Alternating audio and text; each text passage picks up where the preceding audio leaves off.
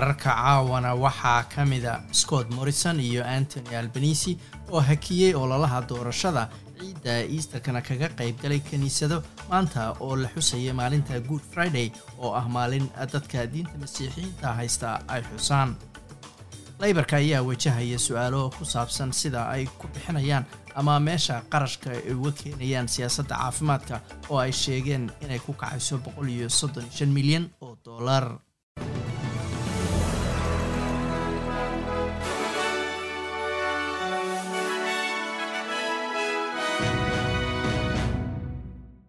scott morrison iyo antony albanisi ayaa labaduba ku tukaday kiniisado xuska maalinta good friday ee ah maalinta dadka masiixiyiintu ay xusaan waxayna labada hogaamiye joojiyeen ololihii doorashada maanta oo jimco ahayd. Kadib toddobaad uusan ololuhu kala go-in scott morrison ayaa uga qayb galay xuska good friday kursiga la isku dhow yahay ee jisholm ee magaalada melbourne isagoo sheegay inuu aada ugu faraxsan yahay inuu kala qayb galo xuskan dadka ay diinta masiixiga wadaagaan.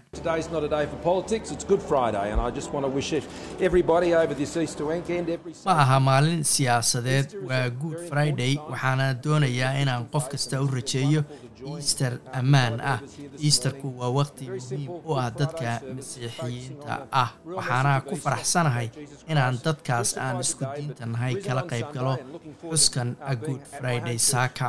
diiradda lagu saara ayuu yidhi fariinta saxda ee easterka oo ah maalintii ciise la daldalay laakiin uu dib u soo kacay isla axaddii. Antony albanisi ayaa sheegay in siyaasaddiisa caafimaadka ee ku kacaysa boqol iyo soddon iyo shan milyan oo dollar ay tahay mid ay ka soo xigteen xafiiska miisaaniyadda ee baarlamaanka. Laakiin halka lacagtaas oo ay ka imaanayso uu ka shaqayn doono isla xafiiskaasi maanta horaantii ayay afhayeenada arrimaha maaliyadda mucaaradka kathy gallagher ay barteeda twitterka ku qortay in qarashka ku baxaya siyaasaddan lagu saleeyey xisaab uu sameeyey xafiiska miisaaniyadda baarlamaanku inkastoo hawshan uusan si rasmiya u sameynaya layiri isagoo kula hadlaya wariyaasha dibadda kiniisad ku taalla sydney oo uu kaga qaybgalayay ciidda easterka ayuu master albanisi sheegay in dhammaan siyaasadaha laybarka iyo qarashaadka ama lacagaha ku baxaya la shaacin doono ka hor maalinta doorashada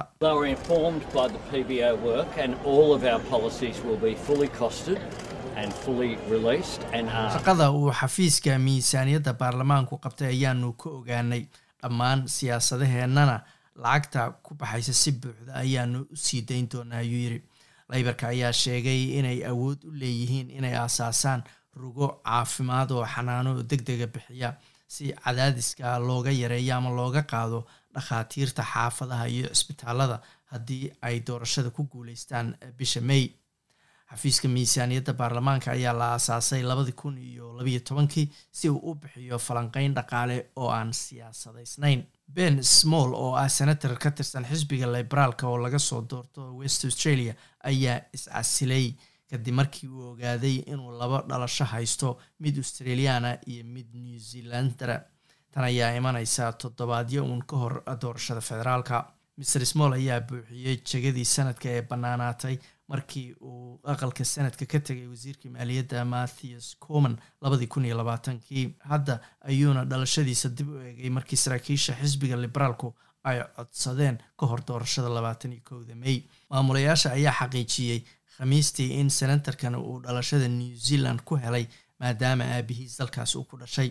Master small ayaase hadda helay baa la yidhi aqoonsi ah inuusan xaq u lahayn dhalasho kale oo aan ahayn tan australiyaanka sidaasna uu musharax ugu sii noqonayo doorashada hadda socota isagoo noqonaya qofka saddexaad ee liiska musharaxiinta liberaalka ugu jira west australia waxaana ka horreeya wasiirad michael cash iyo dean smith waxaa aada loo filayey in dad badani ay buuxiyaan garoomada ugu mashquulsan dadka balse taasi ma dhicin iyadoo cabsi laga qabay dadka u safraya fasaxa easterka. Laakiin shaqaale yari ayaa keentay in dadka qaarkood marka ay meeshay rabeen gaareen ay waayeen boorsooyinkoodii. Dadka ka dhoofaya garoonka diyaaradaha sydney ayaa lagu booriyey inay laba saacadood soo hormaraan maanta oo ahayd good friday laakiin safafku ma ay dheerayn. Wakhtiga la sugayo in la dhaafo baaritaanka dhanka amnigana waxa uu qaadanaya afartan iyo shan daqiiqo. Shirkadda diyaaradda ee quantas iyo garoonka diyaaradaha ee sydney ayaa saddex boqol oo shaqaalo dheeraada oo caadiyan ah shaqaalaha xafiisyada ka shaqeeya keenay garoonka si ay u caawiyaan shaqaala yarida ka jirtay garoonka quantas ayaa sheegtay inay wajahaysay shaqaala yari saasoo ay tahay dhowr diyaaradood oo keliya ay kaceen iyagoo aan wadan boorsooyinkii maalmihii la soo maalmihii la soo dhaafay ama u dambeeyey. Saddex muwaadin oo u dhashay dalka u k ayaa lagu soo ogay dacwooyina inay dalkan australia soo gelinayeen maandooriyayaal qiimahoodu gaarayo labaatan iyo sideed milyan oo dollar. Saddexdan qof ayaa lagu qabtay dalka britain tan oo qeyb ka ahayd baa layidhi iskaashi ay iska kaashadeen labada ciidan waa kuwa u k iyo australia. Ee dembiilayaasha markaasi abaabulan shixinadan maandooriyaha oo ka koobnay labaatan iyo afar bac oo ay ku jiraan. Labaatan iyo afar kilogram oo nooca maandooriyaha ee la yiraahdo crystal meth ayaa lagu soo qaaday qeybta xamuulka ee diyaarad. Waxaana helay oo ogaaday ciidanka difaaca xadka ee dalkan australia bishii julaay sannadkii labadi kun iyo labaatan iyo kowdii booliska ayaa ku qiyaasaya in maandooriyahan uu qiimaha australia uu ka joogo uu yahay mid afarlaab ka badan kan ama qiimaha uu ka jooga u k. Markabka dagaalka ee loo yaqaanay moscova ayaa degay. Saraakiisha ukraine ayaa sheegay in ciidankoodu ay dejiyeen markabkan gantaalaha qaada. Halka maamulayaasha ruushku ay weli ku adkeysanayaan oo sheegeen in sababta uu markabkani u degay ay ahayd dab qabsaday oo aan la garanayn sababta keentay. Markabkan dagaalka ee degay ayaa militariga ruushka ku ah dharbaaxa culus ayaa la yiri iyadoo hadda ciidanku uu dib isugu aruursanayo bariga ukraine iyagoo la filayo inay weerar culus ama cusub ku qaadaan bariga dalkaasi. Kadib markii uu ciidanka ruushku ka soo baxay inta badan waqooyiga dalkaasi. Maraykanka ayaan xaqiijin karin baa la yiri hadalka ukraine ee ah inay iyagu gantaalo ku dhufteen markabkaasi oo sidaas ku dejiyeen. Laakiin la taliyaha ammaanka qaranka maraykanka jake sullivan ayaa sheegay inay dharbaaxa weyn ku tahay ruushka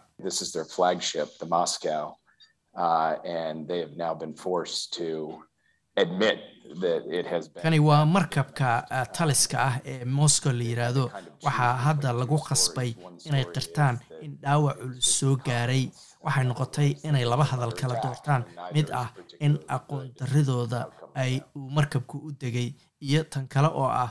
in la weeraray. Labada hadal midna uma fiicna ayuu yiri ruushka. Milkiilayaasha kafeteriyooyinka ku yaalla gobolka new south wales ayaa loogu digay in mar walba ay soo booqan karaan saraakiil ka tirsan ururada shaqaalaha si loo xaqiijiya baa la yiri inay qarashka ama lacagta saxda ee mushaarka ay xaqa u leeyihiin ay siiyaan shaqaalaha shaqaynaya inta lagu jiro ciidda easterka oo afarta maalmood oo fasaxa ah. Dhammaan afarta maalmood oo maanto jimcaha ka bilaabatay ilaa isniinta ayaa loo aqoonsan yahay inay yihiin maalmo si rasmiya fasax u ah iyadoo hay'adaha martisoorka iyo tafaariikhda dukaamadu ay shaqaalaha ka shaqaynayaan markaas xaq u leeyihiin in lacago dheeraada la siiyo oo mararka qaarkood gaari kara labalaab iyo bar lacagta caadiyan ay ku shaqaynayeen. Thomas costa oo ah xoghayaha kaaliyaha xoghayaha urur shaqaaleedkan ayaa sheegay in shaqaalaha aan joogtada ahayn ay gaar ahaan u nugul yihiin in laga faa'iideysto waxaana uu ku boorinayaa inay gartaan ama yaqaanaan xuquuqdooda. Aan ku bilaabo xubinta isboortiga tartamada kala gedisan ee naadiyada yurub ayaa hadda soo gaaray heerkoodii samafinalka markaynu eegno koobka champions league oo ah midka ugu xiisaha iyo xamaasada badan ayaa natiijooyin layaable laga soo calaamadeeyey kulamadii labaad ee wareega sideed dhamaadka atletic madrid iyo manchester city ayaa ciyaar xiiso badan yeeshay taa oo ka dhacday guriga kooxda atletic ee magaalada madrid waxaana kulankaasi uu ku dhammaaday eber iyo eber maadaama kulankii lugta koobaad kooxda manchester ay gool eber ku soo adkaatay iyada ayaa sidaa ku soo gudubtay heerka samafinalkana soo gaartay. Kulankii kale kooxaha liverpool iyo benfica ayaa wada yeeshay. Ciyaartan ayaa ahayd mid aad u xiiso badan oo kulankii lugta koobaad kooxda dalka ingiriiska ee liverpool guul ay soo qaaday. Hase yeeshee markan saddex gool iyo saddex gool ayay ku kala tageen labada kooxood taasi oo ka dhigan in kooxda liverpool ay samafinalka ku tagtay celcelis ahaan lix gool iyo afar labadii kulan. Kulamadii kale ee xiisaha lahaa ee dhacay kooxda real madrid ayaa si dirqiya ku soo gudubtay kadib markii kooxda chelsea ciyaar xiiso badan ay la yeelatay kulankii lugta koobaad labadan kooxood. Saddex iyo hal waxaa ku soo adkaatay kooxda real madrid hase yeeshee markii gurigooda la yimid ayaa laga keenay goolashii saddexda ahaa islamarkaana hal gool ayay dhaliyeen taasoo ka dhigan in loo baahday wakhti dheeriya. Wakhtigii dheeriga ciyaarta ayaa ciyaaryahanka krim benzema wuxuu kooxdiisii u dhaliyey gool madax aad u qurux badan taasoo ciyaarta ka dhigtay in kooxda kubadda cagta real ay ku soo gudubto. Inkastoo laga adkaaday hase yeeshee layaabka koobka champions league toddobaadkan